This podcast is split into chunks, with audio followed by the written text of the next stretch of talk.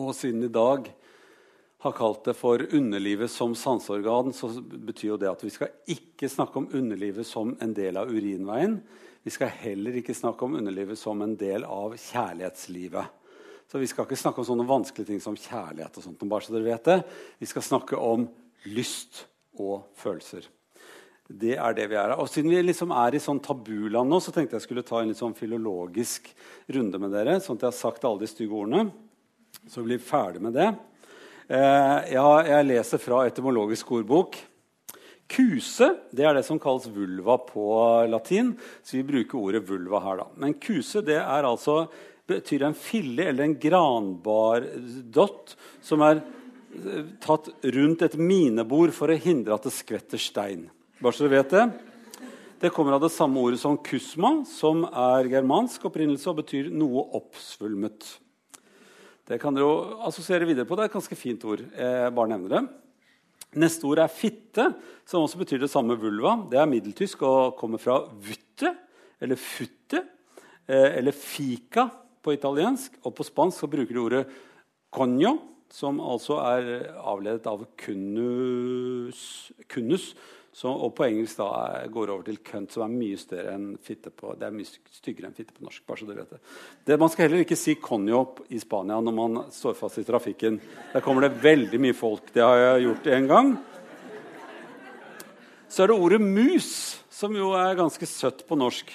Men det kommer fra sanskrit, så det er et kjempegammelt ord. Det kommer fra ordet muska, som betyr testikkel. Så det er altså veldig feil brukt på norsk som er det samme ordet som i moskusokse.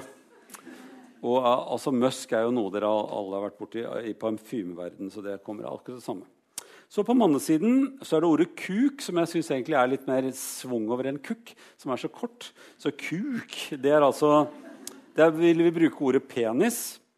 Det er engelsk, På engelsk heter det kokk. Det er akkurat det samme ordet. Og på fransk heter det kokk. Og det er fordi at hanen er et mannebegrep. Hanen er et, sånt, eh, et dyr som representerer mannen.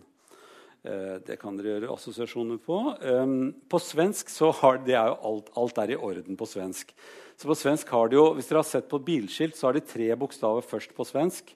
Og så har de tall etterpå. I Norge har vi to bokstaver og tall. På svensk har de da tatt bort ordene som har kombinasjonen KUK, KYK, KUG, KUC, CUK og CUC bare for at ingen skal kjøre rundt med et veldig stygt skilt. Så er det det mest norske ordet eh, her. Det er pikk. Eh, og det er ganske sånn eh, rett fram norrønt og kommer fra pikker, som er det samme ordet som pigg. Så det er lett å assosiere til. Så er det ordet for baller, altså testikler, det som vi kommer til å bruke. Der er det veldig norske gode ordet kødd som kommer av ordet 'kodde', som betyr det samme som pute, som dere hører på svensk. Kudde. Det altså, betyr eh, rett og slett baller. Så der ligger man på kødder, på kødder eh, om natten. Og på spansk så er dette conio, eh, coniones, eller conio, hvis man sier det i trafikken også, conio. Det går heller ikke bra. Eh, på norsk har vi det glade, gode ordet 'å kødde'. Det bruker jeg veldig mye. Jeg bare kødda. Det bruker jeg veldig mye. Sånn at det er sagt. Da har jeg nesten vært gjennom hele listen her. Nå skal Vi se. Vi har jo ordet samleie, som vi kommer til å bruke kanskje også. Eh, som på latin heter coitus. Men som er veldig mye bedre på norsk. Det betyr egentlig bare å ligge sammen. Og det kunne man jo brukt om hverandre. Det eh, stygge ordet for det er å knulle. Det kommer av eh, latinske 'copulare', som betyr å binde sammen. Det norrøne ordet er 'knylla', som betyr å slå eller banke. Der kan man se hvordan de gjorde det før. På engelsk eh, så heter det 'knell', og det betyr å klemme eller ringe langsomme slag med bjeller. Ding, ding altså, Dere hører tre ganger tre i kirken er jo rett og slett bare to make a knull. Uh, på tysk heter det 'å knyllen', og det betyr å krølle sammen papir osv. Og, så har vi jo siste gode ordet. Det betyr, heter å pule, som er fra Island, skal pula, som betyr å slite og slepe og støte til. På svensk heter det pula, og det, det sier man faktisk pula på. bare, sier man, og Det betyr bare å arbeide veldig hardt og slite. Så det er veldig mye ord her som vi kan assosiere rundt. Uh, og nå er jeg ferdig med den der, nå er vi ferdig med alt som er tabu, så nå kan vi snakke ordentlig. Og her kommer Jone Trovik. Hun er underlivsekspert fra Haukeland sykehus. Hei. Ja, du, da har jeg gjort det verste. Så da går vi i gang med vårt prat. Det var en flott opplading, det. det. der. Ja, det er jo greit å vite at det ikke er så farlig å si det. Mm. Eh, som en legevenn av meg sa, eh, som var lærer, skal vi si det, så har vi sagt det. Og da er vi ferdig med det. Mm.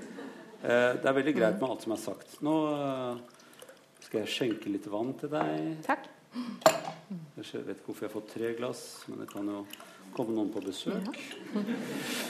Ja. Vi begynner med fysiologi.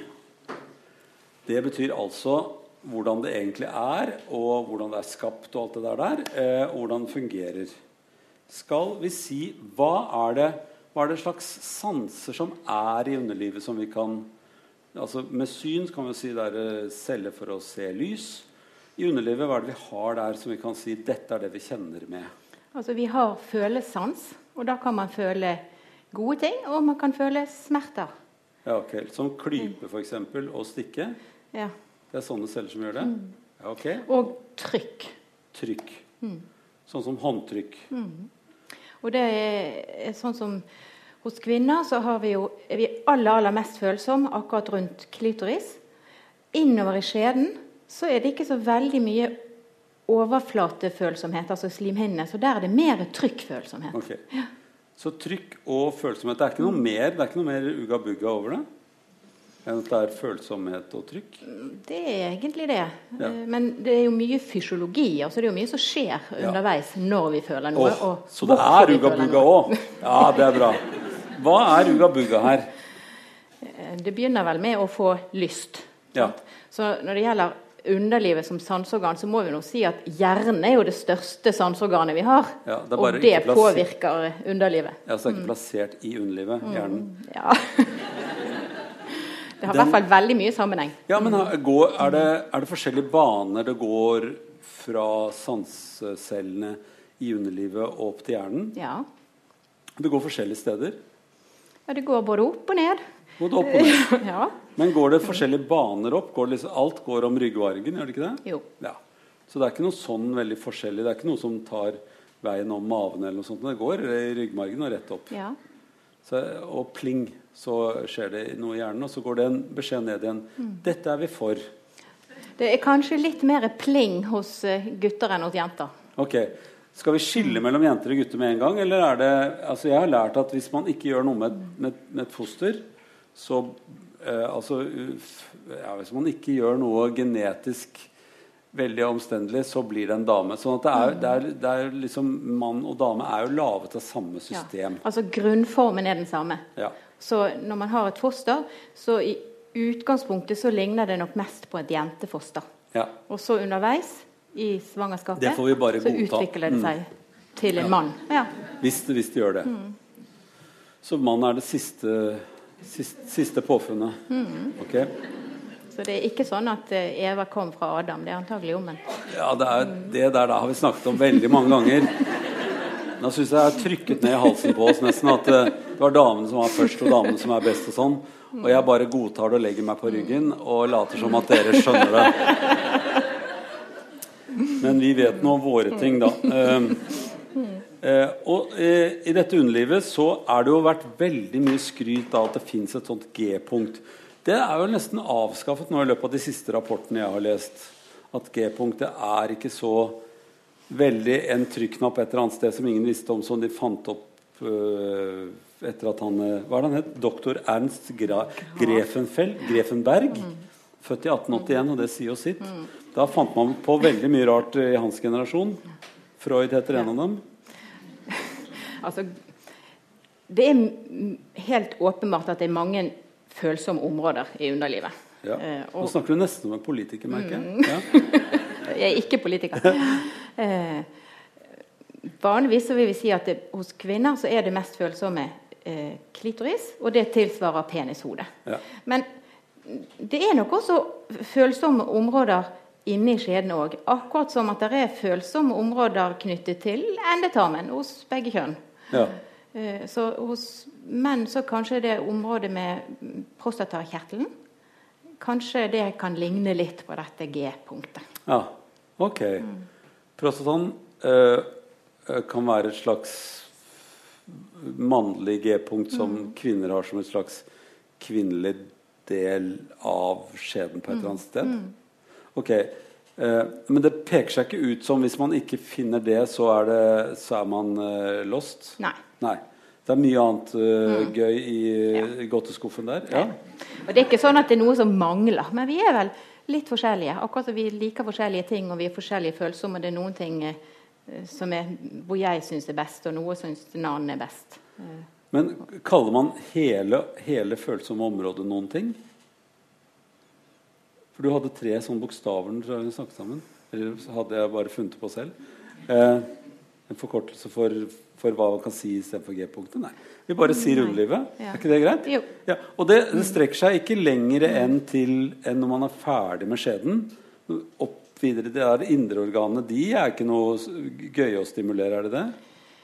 Altså det er nok sånn at For kvinner, det med, når man får penis dypt inn i skjeden, så vil mange oppleve det vellystig òg. Ja. Så det er jo da den dype berøringen som foregår i toppen av skjeden. Men spesielt med livmoren f.eks. tror vi ikke har noen sånn typisk eh, stimuleringsfunksjon. Der inne. Nei. Akkurat som vi ikke mm. syns det er så fryktelig gøy med testiklene. Det er ikke det vi blir mest stimulert av å bli klemt på. Nei, ikke, ikke hardt. Bare litt. Ok. Når jeg tenker etter, ja, jeg er litt enig. Mm. Men mm. eh, Ok, Så hele, hele området der som man kan finne ut selv. Og så er det jo noen som har sagt det er W-punktet og O-punktet og Q-punktet og alt det tullet der. Som er egentlig skrukken, altså det som er mellom mellom uh, hva skal jeg si uh, vagina, Endetarmen og, og, skjedeåpningen. Ja, riktig. Ja.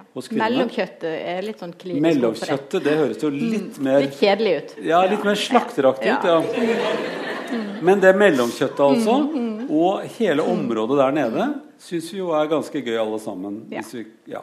Så alt det der går det an å slå sammen. Og så er det eh, klitoris eller penishode som til slutt mm. setter prikken over i-en. Ja. ja. For de fleste. For de aller fleste. Mm. Hvis man samlet sett sier det sånn. Mm. Eh, men det avhenger mye av hodet. Mm. Altså hjernen. Ja. Det begynner med at man får lyst. Ja. Og så kan man få lyst og få lyst, men det ja. ja. Men iallfall, hvis man får lyst, så sender man signaler fra hjernen ned til underlivet. Og da svulmer det opp, siden du snakket om oppsvulming. Ja. Eh, og, Både på kvinner og menn? Ja. ja. ja. Det er jo mest synlig på menn. altså Da får de reisning. Jeg og da, da blir, da blir penisen større og tjukkere. Ja. Eh, hos kvinner så er ikke det så synlig, men det er følbart. Ja. Skal vi nå, når vi har kommet så godt i gang, som det heter, la det være et lite forspill. Og så går vi tilbake igjen til begynnelsen, nemlig Vi tar det litt sånn longitudinelt i forhold til alder. Begynner vi på barne, barnetrinnet. Barn har jo også velystighet. Ja. Altså de, det er ikke det at underlivet liksom er kuttet ut der, men de kjenner jo den delen av kroppen også. Og kanskje med mindre fordommer enn en, en voksne mennesker, for de vet ikke hva det er for noen ting. Altså De seksuelle responsene, altså det der å kunne få reisning, det er til stede hos helt nyfødte gutter. Ja. Eh, og tilsvarende hos jenter. Det, igjen, det er ikke så lett å se det. Eh, og så ser man etter hvert som barnet vokser til, at de interesserer seg for underlivsorganene. Sant? Og det er jo ma mange ting som kan gi vellyst. Altså, når et barn dier, så er liksom vellysten knyttet til munnen. Ja. Eh, og så kan vellysten bli knyttet til underlivet. Og det, alle åpninger er veldig spennende å putte ting inn i. Ja. Det være seg skjedeåpning eller endetarmsåpning. Ja. Um, og fra ca. fire års alder så begynner man å si at man kan mer observere en direkte seksuell aktivitet hos barn. Ja. Så de som, jobber, som enten som jobber med barn eller som har hatt egne barn selv, har observert det. Eh, noen syns jo det er vanskelig som voksne. Altså de voksne som ser barn som, som stimulerer seg selv. Eh, hva ville du ha rådet folk til? Det er jo noe med å gjøre det i, på steder hvor det er passelig. Sant? For de fleste så syns vi ikke det er greit at barna kler av seg eh, ute på gaten. Mm. Men det er helt greit at de koser med seg selv for seg selv. Ja. Eh, og I barnehagen til min yngste datter så var det helt greit at eh, de kunne få ligge og susse i hvilestunden. For det var, det var greit. Ja. ja. igjen nå er det dette litt sånn uh, i, vår tid så er plutselig alt sånne ting det er bare så ringer det sånne incestbjeller rundt omkring. Mm. altså At det er overgrep eller incest med det. Men altså det hvis man lar barn få lov å leke med seg selv mm. når de er barn sammen med mm. barn, mm. så er det en del av den veldig sunne naturlige mm. utviklingen av å oppdage seg selv. Ja. Og da kan vi skyte inn også at mm. statistisk sett så har alle mennesker mest sex alene med seg selv. Ok, Så det er greit å bare komme i gang tidlig. det er veldig greit å kjenne sin egen kropp og kjenne sine egne ja. Uh, ja, hva som skjer med en selv. Ja. Å bli kjent med seg ja. selv. Og skjønne hvordan man er, mm. hvordan man fungerer. Mm. Ok, Jeg syns det med barn uh, var veldig forståelig på denne måten. Er det, er det noe man skal passe seg for? Altså, uh, Kan jenter få infeksjoner i underlivet? Sånn som voksne, menn, voksne kvinner kan få? Altså Generelt så skal man ikke putte noe inn i underlivet som man ikke, skal, ikke kan tenke seg å putte i munnen, og omvendt. Er det generelt for alle mennesker? Ja. altså ja. Så, så, Hvis det er så rent at du kan sutte på det, så er det ikke noe farlig å putte det inn i skjeden heller. Nei, ok. Mm. Og det er ikke noe bakterieflora der som, som, man ikke skal tulle med? eller noe sånt nå?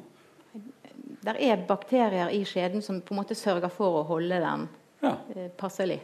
Så der er det en, kanskje et annet miljø enn der, enn der andre steder ja, på kroppen? Det er et, et surt miljø i skjeden, og det vil motvirke at en del farlige bakterier lettere slår seg ned. Okay. Og når så, du sier surt, så sier du et slags på veldig objektivt medisinsk Ikke sånn surt. Ikke sånn, surt nei, nei. sånn måling med en sånn ja, liten snips og sånn surt. Okay. Ja. Og det skal det være. Det skal, ja. være, det skal være litt sånn syrlig der. Ja, mm. ok. Uh, og, og, derfor bør man ikke være noe redd for hva, hva barn driver og putter inn. Ja, altså Legoklosser og sånt er litt utfordrende, for det er vanskelig å få de ut igjen. Ja. ja sånn på veldig små jenter. Og det er jo sånn, det er akkurat som det er kjekt å putte ting opp i nesen, så er det noen som putter det inn i skjeden, så da må vi pille de ut igjen. Ja, selvfølgelig. Det anbefaler vi ikke, for det er på en måte altså, noe som blir liggende. Anbefaler ikke legoklosser, altså, bare så det, det, det, er for at det blir anbefalt. Ja, da, vi, har, vi har ikke samme behov for å putte legoklosser inn i tissen vår, vi som er gutter, da. Nei, det er sjelden. Men gjør vi andre ting som dere må plukke uh, ut på? på si, plukke fra den? Ja, altså det er Sette jo fast tissen i noen ting eller noe sånt? Ja. ja. ja. Ok, det var en veldig kort og fint svar. Ja. altså, og det er også noen som putter ting inn i tissen, altså det være seg jenter eller gutter. Så det er noen ganger at man må plukke det ut igjen med et sånt lite instrument som man lyser inn i urinblæren. Ja. Og det igjen, det forskjellige ting vi tenner på, og noen kan altså tenne på det og oppleve veldig vellyst med det. Oh, ja. mm. Så man stimulerer urinrør mm. eller så Ja, ok. Mm. Ja, er det, er det, veldig vanlig, eller vil du si Nei. at det, Ok, det er litt på siden? Det er på siden. Ja, ok, Men siden er også fint? Mm. Eh, på, ja, alt er fint i denne forelesningen. Ja, ja. men jeg, jeg, vil nok ikke anbefale det å putte ting inn i blæren. Akkurat som ikke anbefaler anbefale legoklossene. Fordi de blir liggende og et fremmedlegeme, det kan gi infeksjon. Så sånn som blir liggende et sted hvor det ikke skal være, det er ikke så heldig. Ja. Så hvis du har lyst til å putte ting inn i et sted du ikke skal putte, så ta det ut igjen ja. etterpå. Ja, ok. Mm. Um, eh, jeg kjenner nemlig Kristoffer Schou, og han, han, er, han, kan jo spille 'Ja, vi elsker' med tissen i en støvsuger. Så det er jo liksom sånne ting. Og jeg har selv eh, klippet av et støvsugerrør fra en eh, mann på mm. legevakten i Oslo. Og det var en, også en litt vanskelig mm. legejobb. Mm. Eller ting som forsvinner inn i endetarmen som ja. ikke man holder fast i. Ja. ja. Avokadonøtter og sånt ja. noe. Ja. Mm. Det, er, det er verre i noen yrker enn andre, merker jeg. Ja. Eh, la det være på anekdoten. Nå kan dere tenke selv. Det, jo, altså, det, var bra det var en avokado og ikke en ananas, f.eks. Da tenker man sånn Ja, det er mange ting man ikke får inn der også. Eh, når vi beveger oss fra barn til, eh, til, eh, til mer ungdom, så kan det være greit å, å, ta opp sånn nakenkultur med en gang. For når jeg var barn og ble ungdom, så på skolen måtte vi ta oss alle klærne og dusje i gymtimen. Og var inne i sånne slags Jeg vet ikke hvor de hadde antageligvis en, en slags tysk uh, uh, dusj. Fordi at vi, må, vi drev og løp fra dusj til dusj. Eh, og, og, det var rekkverk og sånn, bare så alle måtte gjennom hele dusjsystemet. Vi ble spylt, rett og slett, eh, når jeg tenker meg om. På en veldig effektiv måte. Og da var jo alle, alle guttene for seg og nakne og dusjet. Og da ble vi i hvert fall rene. Og er det noe man trenger å bli i pubertetsalderen, så er det jo ren. Eh, nå er det, eh, merker jeg på der hvor jeg går og trener, at det er satt opp sånne skillevegger, sånn som man veldig ofte har hjemme også. Dusjkabinetter og sånt noe. Skillevegger. Og nå er det ikke sånn lenger at der, dusjene står der alene. Så nå skal man ikke se hverandre så mye mer. Og det er veldig sånne triks med å ta håndkle rundt deg og liksom få av undertøyet under håndkleet, og så inn i kabinen. og så kan man henge det utenfor, og så dusjer man veldig fort, og så ut og så på igjen. Så nakenhet er vanskeligere for tiden enn det var for barn og unge? Jeg har inntrykk av det. Når går det over? Når er det, man, er det, er det når puberteten begynner? Da blir folk usedvanlig sjenert for tiden? Mm. Det er vel det at kroppen forandrer seg. Og så har vi et veldig sterkt press på at vi skal egentlig være like. Og så er vi redd for at jeg ser annerledes ut enn de andre. Mm. Jeg tror det er medvirkende. Ja. Det høres veldig mye mer slitsomt for tiden. Ja. Eh, det, er, det, er, mye større press på også å se veldig fin ut på en eller annen mm. måte. Altså idealet mm. nærmer seg de fleste mennesker. Mm. Eh, og det kan man jo se på voksne mennesker også, at de er veldig opptatt av å se bedre ut enn seg mm. selv, f.eks. ja, altså ja. det er det er ganske stort press på. Du skal helst være veltrent og slank og glattebarbert både her og både der. Ja. ja. Og være, være, på en eller annen måte en slags modell. Mm, ja, det, det... En bedre versjon av deg selv. Ja. Jeg ser jo eh, Damer pynter seg veldig mye. Og de pynter seg nesten alltid bare for seg selv og sine venninner og andre damer. Jeg ser jo ikke at de har pyntet seg for meg. De gjør det kanskje ikke det for meg, men de, de, pynt, de pynter seg stort sett ikke for meg. Så jeg er ikke så opptatt av det fordi behøver, For meg behøver de ikke ha på sånne ekstra høyvipper eller ha sånne hvite, lange negler eller, eller sånne ting. Eller være solariumbrune. Så det må jo damer gjøre stort sett for hverandre. Og det er det mest sånne unge mennesker som, som driver med å modellere seg selv, for å si det sånn. Hvor, hvor, i all verden kommer det fra? Altså, jeg tror ikke det er bare unge mennesker heller. Jeg tror det strekker seg til dels langt opp i alderen. Altså. Så det har Hele vår kultur er blitt full av det? Ja. Og det er sånn vi vil ha det antageligvis, da, siden det er sånn vi holder på. Det er jo det er jo ikke sånn at nei, jeg pynter meg som bare det, men jeg vil det egentlig ikke. Det er ikke det. Nei. Så det, det er det er i hvert fall sånn at uh, Den gangen jeg hadde forelesning uten å ha barbert meg under armene, så var det det som ble kommentert etterpå, ikke innholdet i forelesningen. Går, eh, holder du forelesninger med bar overkropp? Eh, jeg hadde en singlet. Oh, ja, okay. Nå fikk jeg et veldig rart bilde, merker jeg. Ja, men jeg er åpen for alt mulig, altså, det er ikke det. Eh, men, eh, men, du eh, det, For det, det med nakenhet preger jo mm. veldig mye vårt forhold til vår egne nakne kropp også. Og det eh, altså på, på, en måte så er det litt sånn den modellaktige man skal se penere ut enn man egentlig er. Og så, og med selfies og alt mulig rart. Og så det andre er jo at man blir så veldig påvirket av hvordan andre ser ut i trykte medier og i fjernsynet, hvor de er veldig sminket også. Uh, og så er det pornografi i tillegg, mm. som kommer og, og, og lager et, en dusj mot unge mennesker. For En ting er at voksne mennesker ser det, men veldig mye unge mennesker mm. bruker det som en slags startreferanse på hvordan seksualiteten er. Ja, for er det lett å tro at de gjør det. sant? Vi vet det vel ikke helt. Ja, Snakk med noen som ja. sier det. At det var sånn det begynte. Mm.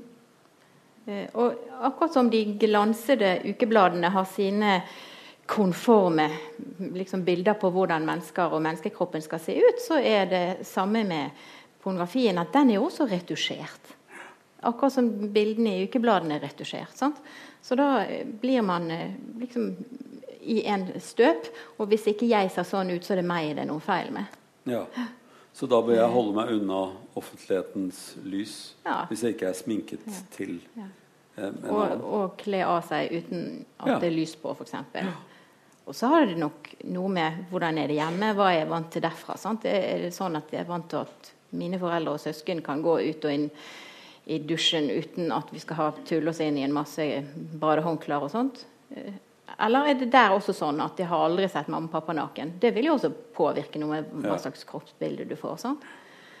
Men det ble jo eh, presset litt mer ned på oss når vi var yngre. altså man, Det var badstuer på offentlige bad og sånt noe, hvor man var sammen i hvert fall med det, det samme kjønnet, og var nakne. Og da så man jo alle varianter, i hvert fall gjorde vi det som var menn. Og, og på, på, på, treningen så gjør det også sånn at man ser alle mulige varianter. Men nå etter hvert så merker jeg at og det er veldig rart, at det er, det er mange menn som, uh, særlig de som ikke er født i dette landet, som har på seg undertøy når de dusjer. Mm. Det vasker seg nede i underbuksa og sånt noe. Mm, mm. Syns jeg er veldig rart, mm. sett fra min kulturside. Mm. Men nå var jo jeg fra en familie hvor folk var glade i å være nakne stort sett. Men det er jo sånn at det står oppslag i svømmehallen om at man skal dusje uten klær. Sant? Altså at det er nødvendig å sette opp et sånt oppslag. Ja. Ja, akkurat. Hm. Vi lar den synke litt og bare være for seg. Og så, så, så, er det noe av det som møter folk når de skal oppdage egen, eh, sitt, sitt, eget underliv. Eh, vet vi noe om, om hvordan, eh, hvordan de, eh, hva slags forhold unge mennesker har til underlivet sitt nå for tiden i forhold til det vi var vant med? Eller er det sånn som før? Det vet vi ikke så mye om. Du jobber mest med damer? Sånn at, jeg jobber ja. mest med damer. Ja. Eh, altså, vi, vi, vet at det med barbering er veldig vanlig. Okay. Det er nytt. Altså man barberer seg ja. på underlivet? Mm. Hvor, hvor, eh, ja, men kanskje med jenter så er det lettere å slutte? Eller derfor begynte de med bena, og så bare gikk det opp? Eh, jeg tror de begynte med å barbere seg under armene, og så ble det benene. Og så ble det også noen som skal barbere armene også, og så har man liksom fortsatt ned på underlivet. Det skal være Så hår er ikke så populært? Nei. Underlivet barberer mm. alle damer seg stort sett i underlivet for tiden? holdt Jeg på å si? Jeg tror det er veldig gjengs, ja. Blant unge mennesker? Ja. Mm. Mm. Ja, for det har jeg sett på treningen min. Jeg kan bare referere til treningen. Jeg ser ikke så mye andre menn nakne. Men eh, for der er det noen som har ganske finurlige streker og, og vifteting eh, barbert.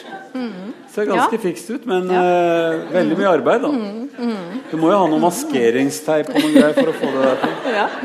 Voksing. Ja, voksing, ja. Derfor finnes det vokseklinikker. Mm. Hva, hva, merker dere som medisinere at dette fører til, dette med barberingen?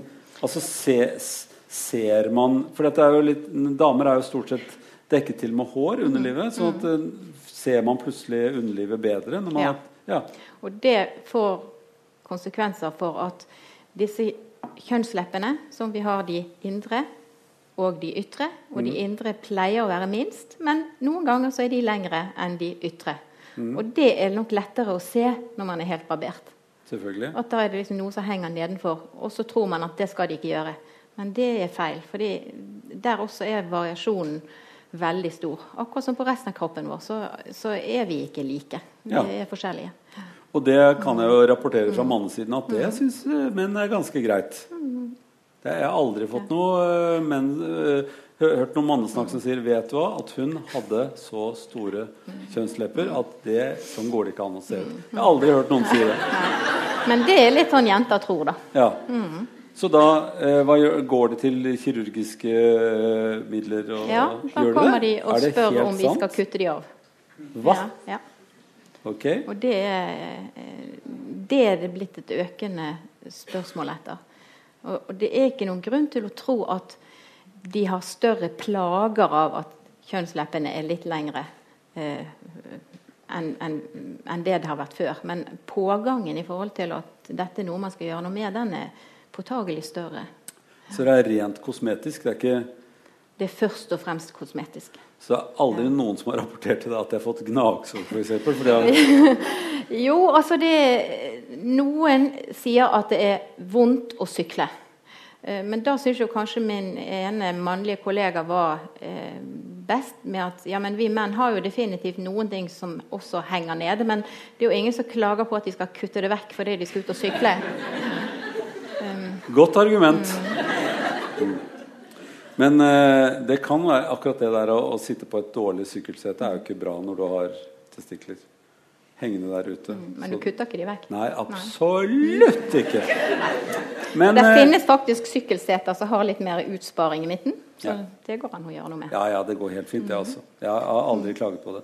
Eh, men, men så at det fins eh, kosmetiske mm. operasjoner for kvinner som hvor man fjerner en del av kjønnsleppene mm. hvis man syns de er for store. Mm. Og det kan man jo begynne å synes når som helst hvis man først har oppdaget det. Mm. For å bøte på det du fortalte meg at det fantes eh, For det finnes ja. noe som heter penisatlas. Eh. Det er litt artig. at det, det var et flott ord. Mm. Det tror jeg vi skal ha i 20 spørsmål. Penisatlas. Mm. Det er sammensatt av to og tilhører dyreverden. Fordi at Penisatlas det kan man jo forestille seg. Dette er en, her er et slags variasjonsatlas som man kan bla gjennom. Mm. hvis man har et sånt. Det er ikke et sånt kaffebordoppslagsverk, merker jeg. Det er ikke noe man legger fram. Kanskje noen ville gjort det òg. Ja, ja, ok. Eh, men eh, så sa du at nå fins det ikke noe, noe kjønnsleppe eller underlivsbildeting. Men så sa du at det fantes noe som het Var det kusomaten? Ja. Å, det var et så morsomt ord! Kusomaten. Fortell hvordan det, virker. Det er et nettsted, okay. så man kan søke på det på nettet. Og det er um, bilder av underliv ja. kvinnelig underliv. Og det er tatt med at de har hatt en stol med et hull i midten og så et fotoapparat under. Mm. Og Som de har reist rundt med tror jeg, på festivaler og forskjellige steder. Og så satt opp denne båsen og sagt her kan du gå inn og bli tatt bilde av. Ja. ja. Og ta med deg hjem. Nei? Nei, jeg tror bare det er blitt lagt inn på dette nettstedet. Okay. Så, altså et god, gammeldags utedass med en som er og kikker nedi. Ja. Det det det, der ligger det en masse bilder, og der viser det eh, underlivet i all sin mangfold. Med små og korte og lange, og med og uten hår. og ja. Og da har dere plutselig blitt opptatt av underlivet deres også på den måten? For det har jo menn vært i alle år. Opptatt av uh, tissen sin. Altså, hvor, hvor, stor skal den være? Hvor lang bør den være? Hvor liten kan den være? Altså, det er men veldig greit og uh, veldig opptatt av en, en periode før det går over. Og så sier vi at størrelsen ikke spiller noen rolle. Men det gjør jo litt, det òg? Det gjør jo litt det, men det er bare det at størrelsen når penis er slapp og henger ned, ja. uh, den kan nok variere noe. Men når den er stiv, så er størrelsesvariasjonen mye mye mindre. Så da er de nokså like, de aller, aller fleste. Ja.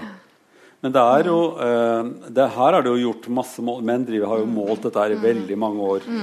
Og veldig mange av de har vært leger som har målt dette her i, og, i veldig forskjellige land og lave, store statistikker og sånt nå. Og da det, kommer det fram at det er en gjennomsnittlig lengde på en stiv penis målt langt oversiden. Det er jo veldig viktig hvordan man måler det.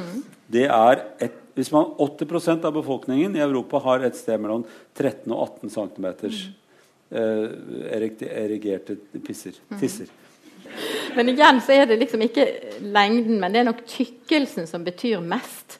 Og det må vi forholde oss til typisk når vi opererer på underliv. Da. Mm -hmm. Så da er det sånn at eh, når vi skal passe på først og fremst at det ikke blir for stramt hvis vi må operere på skjeden. Mm. Eh, og da har vi liksom huskeregelen at det skal være plass til to fingre. Det er standard. Da er det plass til en helt vanlig gjennomsnittlig norsk penis. Ja. Jeg fikk sånn grillpølsefølelse. Grill, mm -hmm. To fingre. Ok. Eh, vi lar også den synke litt. Grann. Eh, for når vi er ferdig med det, så er vi egentlig ferdig med, eh, med, med underliv, anatomi og fysiologi. Eh, hvis, eh, jeg har fått et, et, et, et en e-post. for det, man kan sende e-post til kroppen at nrk.no. Og da kan, man få, altså, da kan vi få vite liksom hva folk lurer på. Der fikk jeg i sommer, etter at dette hadde gått på radioen, disse programmene, så fikk jeg altså en nesten desperat personlig eh, e-post fra en mann som sa han ville vite absolutt alle detaljer om hva som skjedde fra man ble opphisset og hele veien til man fikk utløsning. For det var jo kjempeviktig. Det var noe av det viktigste i verden. Hvis man ikke visste det, så ble det jo ikke noen flere mennesker. Og det er for så vidt enig i prinsippet, selv om man tok det veldig ut på, som, som, en veldig stor ting. da. Eh, men eh, kan vi ikke gå igjennom det nå, når, sånn at han får vite dette her? Og vi har liksom sagt det, så har vi sagt det. Hva er det som skjer? For vi skjønner jo stort sett ikke hva som skjer, vi menn. Altså Man blir jo bare opphisset, og så får man ereksjon, og så er det i gang. Eh, og dette er, en, dette er, jo en, fysiologi, altså en sånn ting som skjer med kroppen, som kroppen øver på når vi sover. og sånt. Så Derfor får jo menn ereksjon under søvn eh, fire-fem ganger om natten, faktisk. Eh, og noen ganger så våkner de, og da kalles det for morrabrød. På, og det er veldig fint, gammeldags norsk ord. Og det skal ikke blandes sammen med croissant, som det heter nå. Så eh, hva, hva, skjer når man blir opphisset, og, og, hva er det som skjer med hjernen og underlivet? Ja, det som skjer er at Da sender hjernen signaler ned til underlivet.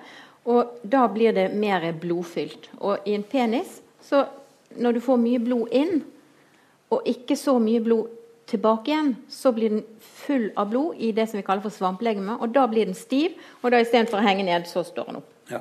Så det er altså, det, det, blodet er ordnet sånn at det er det er nesten sluser som gjør at det, mm. eh, det fylles på som vanlig, mm. men det mm. kommer ikke så mye ut. Mm. Og da blir det, da blir det ereksjon. Ja. Flott. Den blir på en måte pumpet opp. Ja, ja. rett og slett. Mm. Og så er det i gang med stimulering av disse sansecellene som vi snakket om i starten. Det tror jeg alle kan, så det bør vi ikke gå i detalj på. Så, I hvert fall kan alle menn det. Ja. Jenter oh, ja. kan ikke det så mye. Ok, Så vi må gå gjennom det med jenter. Vi bør egentlig ha en slags undervisning i det. Ok.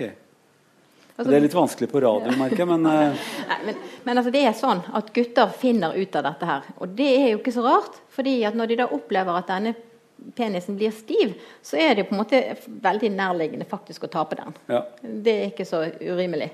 Og da finner man ut når man tar på den, at ja, det her var faktisk behagelig. Og så finner man ut av at man kan bevege hendene opp og ned, og så blir det deilig. Og når man når liksom maksimumsstimulering, så får guttene utløsning. Sant? Og da kommer det sæd ut, hvis de er blitt så store at de faktisk har laget sædceller. Ja. Og det er jo mer komplisert enn bare en sånn liten setning å få utløsning sånn med sæd. Mm. For da må du lage sæd først. Mm. Og det er derfor vi har testiklene. Så er det mm. ikke noe hemmelighet lenger. Eh, og så, så, eh, så fraktes jo det opp til et depot som ligger litt eh, lenger oppe langs hva skal vi si, um, under urinrøret, mm. omtrent. Uh, så går det, går det, et rør opp dit fra hver testikkel til det som heter sædbæren. Mm. Så sædblæren er altså et depot. Mm. Og så ligger det og venter der og, og fyller seg opp. Mm. Produksjon underveis. Og så, og så er jo prostata der for å lage resten av den væsken. For det er jo nesten ikke noe sæd. Det er veldig veldig lite. Men de må ha drivstoff og kjole hei for å komme, komme i gang når de er først inne i kvinnen. Eh, eh, og, eh, og, da må jo dette her organiseres hvordan det skal komme ut samtidig. Så da må det jo stenges av mot urinen, så ikke det ryker bakover og inn i ens egen kropp. Stenges av der, sånn at trykket går utover. Og så er det glatt muskulatur hele veien som, som driver og pumper dette ut. Akkurat den avsteiningen er litt viktig, for det husker jeg at jeg lurte på. Ja. Hvordan kan jeg vite det at han ikke tisser? Ja. Det syns jeg var litt ekkelt. Ja. Men det er altså det at det er stengt fra urinblæren. Så idet man har utløsning, mm. Så er det ikke urin som kommer ut. Da er det sæd som kommer ut. Og det kan, vi, eh, det kan vi verifisere, alle vi som er menn, at det er veldig vanskelig å få tisse akkurat når man har utløsning. Men like etter så er det mulig, gitt. Eh, med litt avslappingsfølelse. Eh, det, det, mange, det, er mange som har spurt meg om det når jeg har drevet med seksualundervisning på skolen. Hvor, hvorfor får jeg så veldig lyst til å tisse etterpå at jeg har hatt utløsning? Og det, Da skal man antageligvis tisse før, og så er det avstengt. Avstengt altså, enveiskjøring og, og ny trafikk og sier Bing, bing, bing, nå kan vi åpne porten her igjen, og så er det lov å tisse igjen. Så blir det altså fra å være et kjønnsorgan til et urinrør. Det er ganske stor forskjell, altså. Jeg bare nevner det for de som er damer. Så er det også sånn at noen kvinner får på en måte også en slags ejakulasjon, altså det å sprute ut noen ting. Altså Utløsning, det sier vi er opplevelsen av det at det, det er maksimum deilig. Og så mm. etterpå slapper man av. Ja. Eh, og hos gutter så kommer det noe ut, som da er sæden.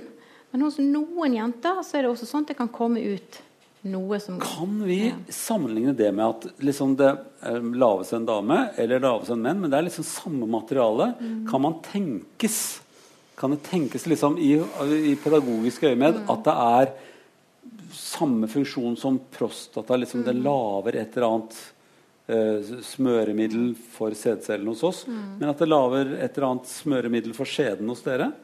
Ja, altså har, kan det være litt sånn? Ja, nok, altså vi har et smøremiddel fra skjeden. Eh, mm. og, og, det som skjer hos kvinner når denne blodfylden kommer, så, la, så presses det fuktighet gjennom skjedeslimhinnen og inn i skjeden. Så da blir den glatt.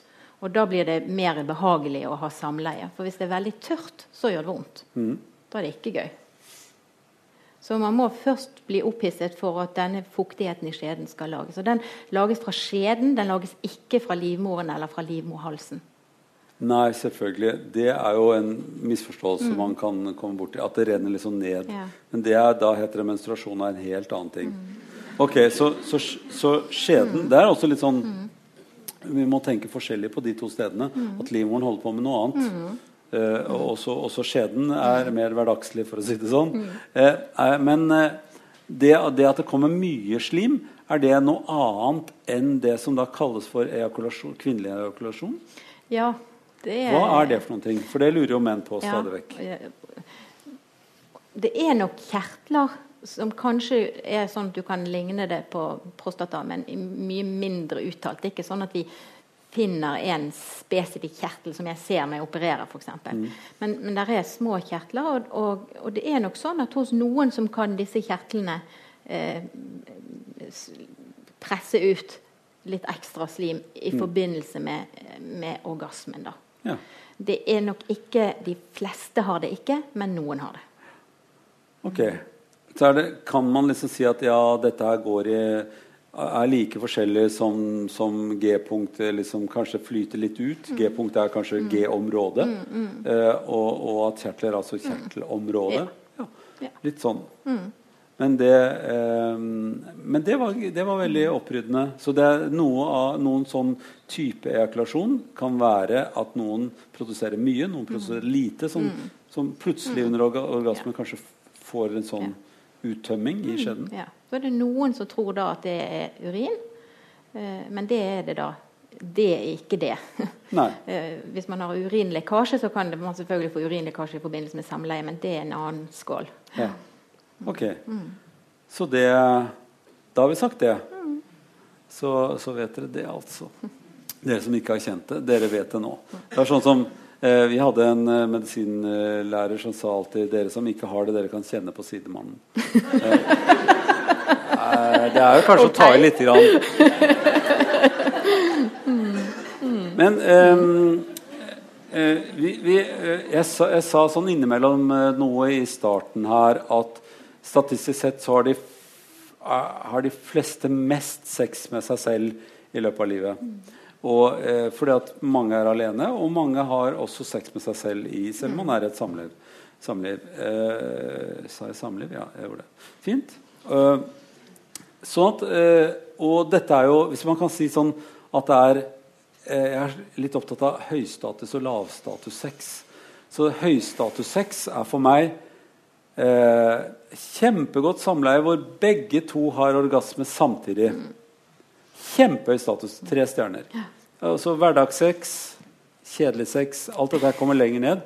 Og så er det sex med seg selv og onani. Veldig veldig lav status. Selv om flest driver med det. Eh, vi må jo anbefale onani på en eller annen måte, bare for å ha gjort det. Ja, det kan vi anbefale. Ok. Hva er Hva, hva, hva Ja, ja, det kan vi anbefale. Det kan vi anbefale.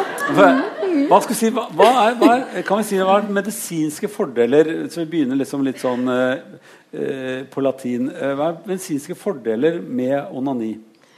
Da blir man kjent med kroppen sin og vet selv hva som er deilig for meg. Ja. Og så er det jo sånn at etter, altså det er, er, deilig. Selve orgasmen er jo deilig hvis man får det til. Og etterpå så er det veldig sånn avslappende. Så det er jo en veldig mye bedre sovemedisin enn å ta sovetabletter. Ah, alle dere som tar sovetabletter, prøv Slutt dette isteden. Mm. Ja.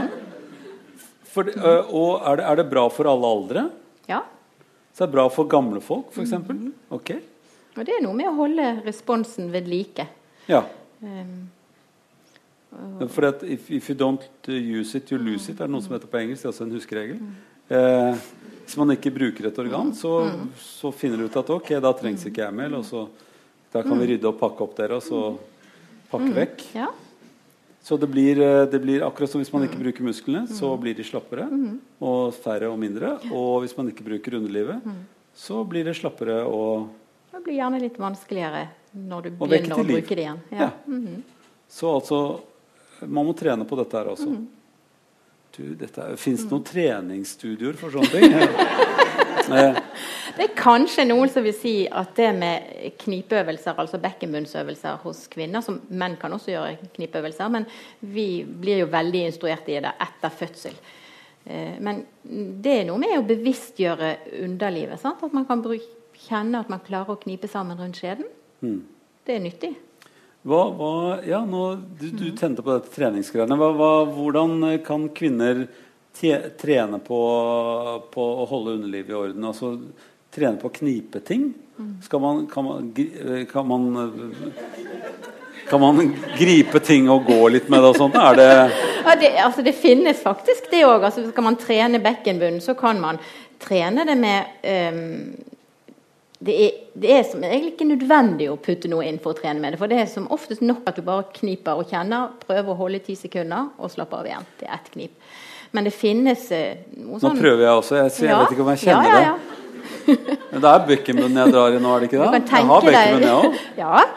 Du kan tenke deg som om du skal knipe rundt endetarmen. Ja. For det er de samme musklene du vil bruke. Ja, Ikke ja. endetarmen, men bekkenbunnen? Ja, det er litt foran. Men du kan bare, se, du kan bare knipe med endetarmen, for du vil få med de samme musklene. Ja, men jeg, klar, jeg klarer ikke å ikke knipe endetarmen samtidig. Nei, det gjør men jeg kjenner hva det er. Ja, bekkenbunnen. Mm. Så det, og det, der kan man altså øve mer. Mm. Man kan jo bare sitte litt konsentrert med ansiktet litt i enkle folder, og så Altså, det kan man jo selvfølgelig, men hvis man skal trene det, Denne treningen er viktigst for kvinner for eksempel, som har urinlekkasje. Så er dette god behandling. Mm. Og da er det jo litt sånn, Hvis du skal trene muskler Hvis jeg skal trene armen, så kan jeg jo bøye i den sånn som det å pusse tenner eller sminke meg. eller gjøre noe sånt, mm. Men jeg blir jo ikke sterk av det. sant? Jeg må liksom legge på kraft. Gjerne en manual. Og det samme er jo med, med bekkenmuskelen. Hvis du skal virkelig knipe, og få det til, og de skal bli sterke, da er det det du må gjøre. Så da kan ikke du samtidig pusse tenner og sminke deg og sånn. Så det er lurere å gjøre det når du har noen minutter for deg selv og kan konsentrere deg. Om å knipe. Mm. Det, går, det å, går, det an å, trene med noe? Altså, Fins ja. det manualer?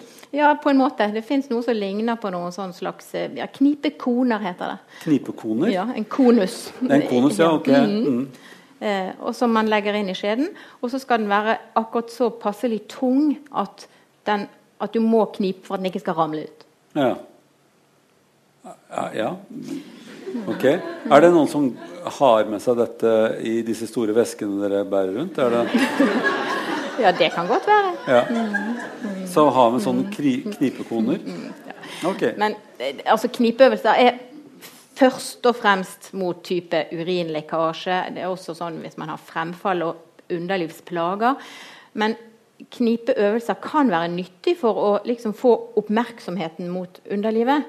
Og trene det sånn oppmerksomhetsmessig og kjenne at å ja, det er noe som skjer her. Mm. Fordi at For en del eh, kvinner så er det sånn at livet slutter ved navlen. på en måte, At de har ikke underlivet. Det er litt sånn tabu, ikke-eksisterende. Ja. Um, og, og, da er jo det på en måte å prøve å få tak i de musklene for liksom å Ja, det er noe som skjer her, ja. Det er akkurat omvendt for menn, for jeg tror menn kjenner ikke resten av kroppen, bare underlivet. Ja. For det var det en fysioterapeut som jeg jobbet sammen med. Hun sa det at eh, når man tar en del menn på ryggen, så, eh, så, må du si at det er på ryggen jeg tar deg. For de kjenner at du tar på deg, men de vet ikke hvor det er hen. Eh, og så kjente de ikke forskjell på om det var høyre eller venstre ben man tok på.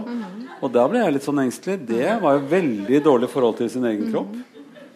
En, men det er ikke noe rart at vi, vi, har et greit forhold Eller vi har et forhold til underlivet vårt. Mm. For vi driver jo og, og, og, åpner smekken, og det er jo, liksom, det, det er jo mm. tilgjengelig hele tiden. Mm. Eh, og vi skal jo liksom ta i det flere ganger om dagen.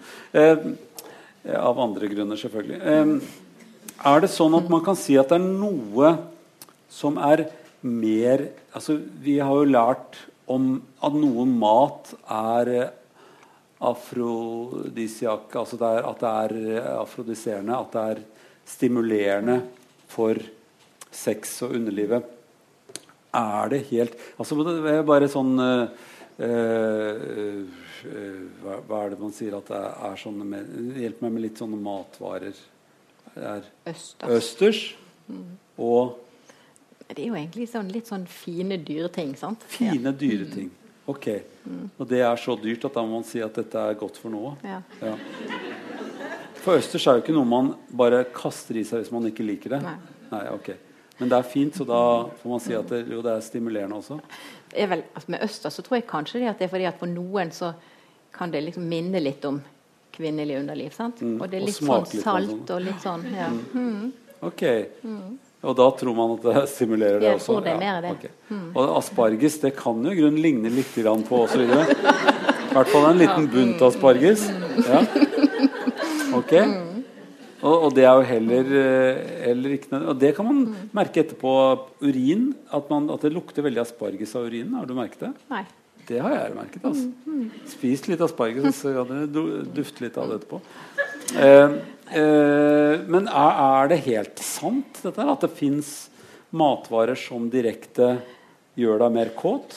Jeg tror det er mer oppskrytt enn at det egentlig er reelt.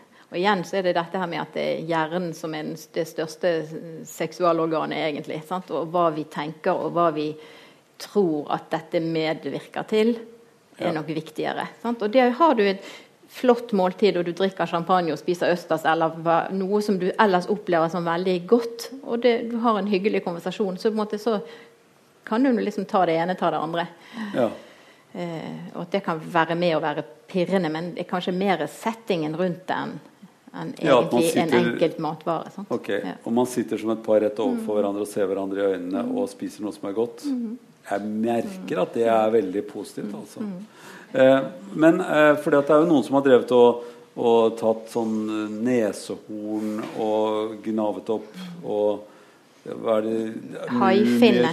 Haifinne, ja. mumier. Altså alt mulig rart som da skal ha sånn virkning. Og det må jo være fordi at man har håp om at det skal stimulere de som ikke vil. Der hvor det er et problem. Men eh, jeg tror det ikke egentlig er så mye i det. altså. Men nå er det jo laget midler som, eh, som er sånn at man skal ha lettere for å prestere, altså Viagra og sånne ting, ja. som skal stimulere menn? Altså Viagra virker ikke på lysten, men det kan virke noe på evnen. Altså det med å kunne få reisning og bli stiv. Eh, og, og, der er det jo sånn at kanskje spesielt med alderen så blir blodårene i hele kroppen litt forkalket.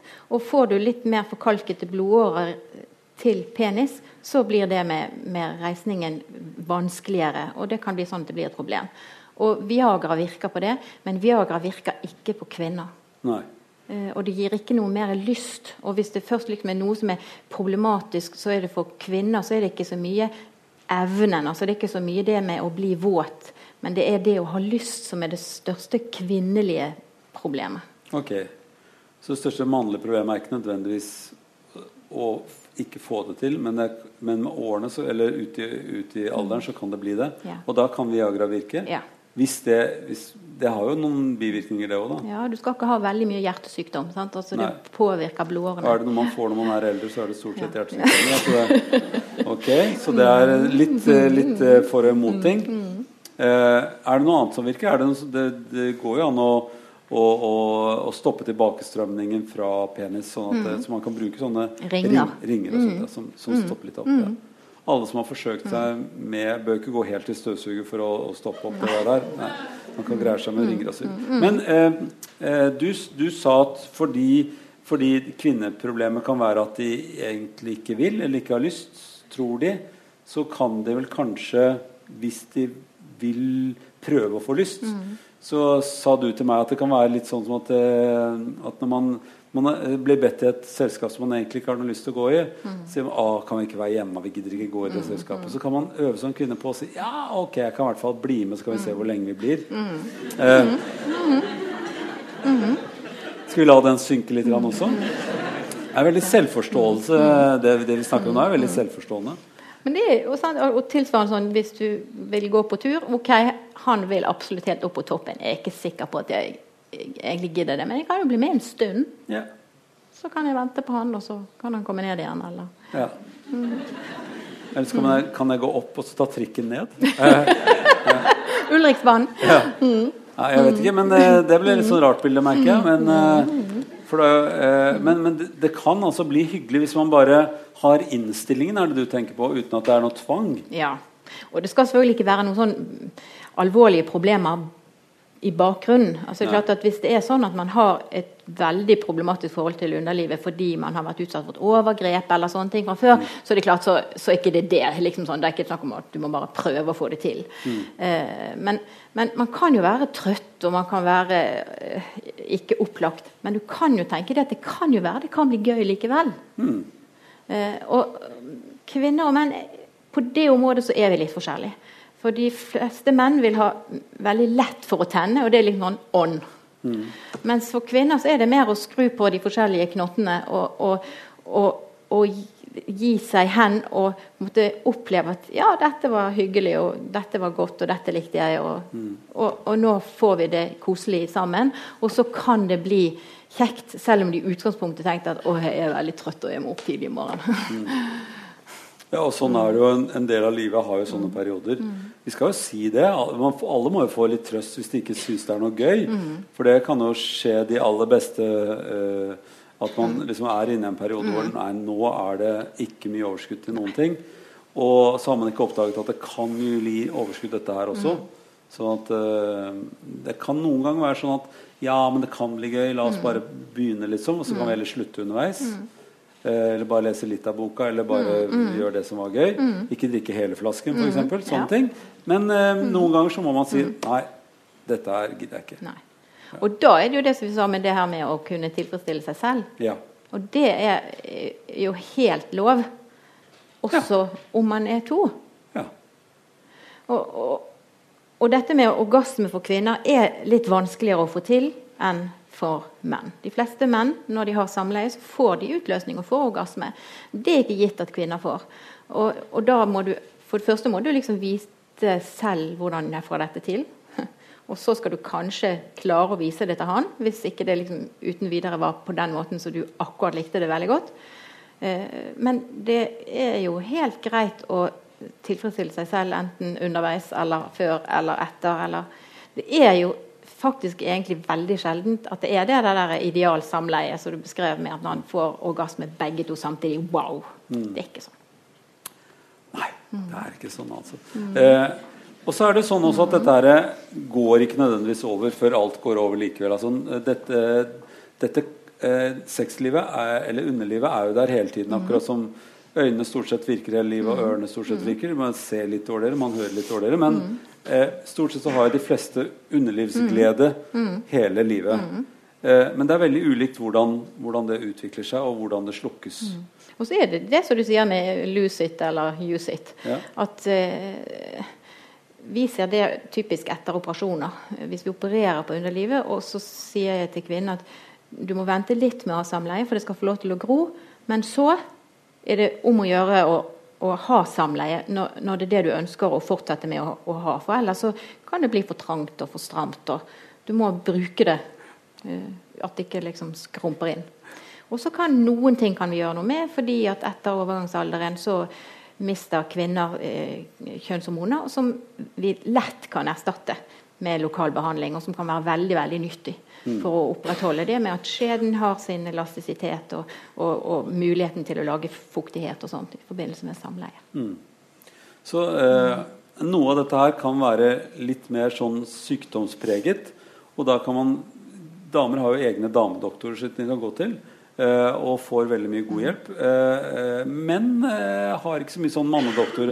Men går jo stort sett ikke til leger i det hele tatt, syns det er veldig skummelt. Mm. Og vil jo ikke at andre skal kikke dem i buksa på noen måte. og etter hvert så kler de ikke av seg i dusjen, har jeg skjønt.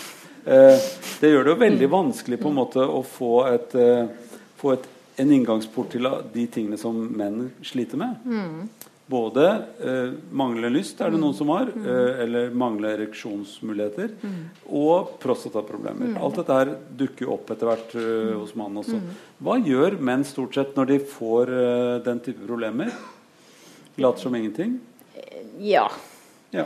Eller konen går og snakker med doktoren. ja. ja. Men hva, da kommer det jo ikke til deg? Nei.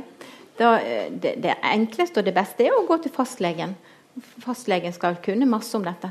Mm. Og, og, det er ikke farlig å snakke med en vanlig doktoren sin om underlivet. Ikke for menn heller. Det er en stor uh, terskel å stige over for en del menn, tror jeg. Mm. Uh, så blir det nesten litt sånn at man bare håper at det går over, sånn som all annen sykdom som gjelder menn. Mm. Mm. Vi er litt dumme akkurat der, merker jeg. Det var en, var en, veldig sånn trist slutt på samtalen hvis det er her det skulle ende. Men, eh, for vi liker jo å være så kjekke, vi gutter. Men, eh, men, det kunne kanskje være en ting å ta med seg. At eh, når menn kommer opp i alderen, så bør de kanskje få sjekket seg litt, de også. Damer går jo til underlivsleger stadig vekk. Å gå til gynekologen er nesten som å gå til tannlegen. på en måte. Ja, Det er ikke helt det. for Kvinner skal også primært gå til fastlegen sin. Og så blir de henvist til gynekologen hvis ikke fastlegen kan ta hånd om dem. Det er mange damer som går til gynekologen sånn én gang i året. Mm, men det er det faktisk ikke grunn til. Nei. Ok. Hva er det de gjør da når de sier de går til gynekologen?